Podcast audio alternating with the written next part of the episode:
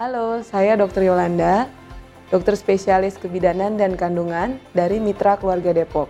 Kali ini kita akan membahas gizi yang seimbang pada ibu hamil. Banyak yang sering bertanya, ibu hamil boleh makan apa sih? Dan apa sih yang harusnya menjadi gizi yang seimbang untuk ibu hamil? Ada berbagai macam makanan yang harus dikonsumsi pada ibu hamil. Pada prinsipnya, ibu hamil harus mempunyai gizi yang seimbang untuk kebutuhan ibu dan bayinya. Gizi yang seimbang ini didapatkan dari berbagai jenis makanan. Pada prinsipnya, gizi yang seimbang terdiri atas karbohidrat, protein, baik protein nabati maupun protein hewani, dan juga berbagai sumber lemak dan juga vitamin. Membahas mikronutrien, banyak orang yang tidak tahu apa sih mikronutrien yang penting untuk ibu. Paling penting di antara beberapa mikronutrien ada dua hal, yaitu kalsium dan juga asam folat. Sebenarnya kalsium penting untuk pembentukan tulang dan gigi bayi. Bayi pada saat proses pembentukan tulang dan giginya, dia membutuhkan sangat banyak sumber kalsium. Dari berbagai macam sumber kalsium yang dia butuhkan, dia akan mengambil terutama dari ibunya. Oleh karena itu, kenapa ibu hamil harus mendapat intake kalsium yang cukup. Berbagai contoh kalsium yang dapat dikonsumsi berasal dari susu, sayuran hijau, beberapa buah-buahan, kacang almond, dan juga dari roti. Kadang-kadang ada beberapa ibu yang takut untuk makan roti, takut naik berat badan contohnya. Padahal itu juga salah satu sumber kalsium. Susu dalam hal ini tidak harus merek susu tertentu, tetapi paling baik adalah dapat mengkonsumsi susu untuk mendapatkan kalsium bebas bagi ibu dan bayinya. Beberapa contoh zat besi yang diperlukan untuk ibu hamil bisa didapatkan dari sayuran hijau dan berbagai daging. Zat besi penting untuk kebutuhan ibu dan bayinya untuk mencegah terjadinya anemia dalam kehamilan.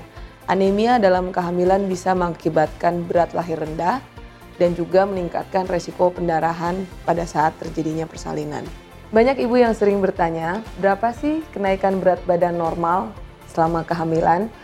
Sebenarnya jawabannya adalah bagaimana status ibu sebelum hamil. Contohnya, ibu dengan berat badan yang normal atau dalam indeks massa tubuh yang normal, dia sebaiknya mengalami kenaikan berat badan 0,2 sampai 0,4 kg per minggu dengan estimasi akan naik 8 sampai 15 kg selama kehamilan. Hal itu masih wajar. Apa yang terjadi dengan ibu yang mempunyai berat badan underweight? Tentunya harus mencapai berat badan yang seimbang dulu, kemudian mengalami peningkatan berat badan untuk memenuhi kebutuhan nutrisi selama kehamilan. Berapa sebenarnya penambahan kalori pada ibu hamil? Apakah harus dua kali lipat? Karena terdiri atas ibu dan bayi, jawabannya tentu bukan demikian. Pada trimester pertama, disarankan ibu hanya menambahkan 50 100 kalori per hari dalam setiap menu makanan yang dikonsumsi. Pada trimester 2 dan 3, di saat mulai terjadi pembentukan organ, bayi semakin besar, tentu kalori yang dibutuhkan akan semakin banyak. Disarankan untuk menambahkan 200-300 kalori dalam setiap menu yang dikonsumsi ibu selama kehamilannya. Banyak ibu yang bertanya, apakah boleh saya mengkonsumsi daging selama kehamilan? Apakah tidak akan meningkatkan berat badan sangat signifikan? Jawabannya tentu tidak demikian. Ibu tetap boleh mengkonsumsi daging dan juga berbagai protein nabati dengan perbandingan malah 85 banding 15 persen. Dalam hal ini, konsumsi protein hewani seperti daging, ikan, ataupun ayam tidak masalah selama ibu tetap mengkonsumsi juga protein nabati, yaitu sayur-sayuran. Sekian pembahasan untuk gizi pada ibu hamil. Apabila Anda membutuhkan informasi lebih lanjut, silahkan menghubungi mitra keluarga Sampai jumpa di sesi pembahasan berikutnya. Terima kasih.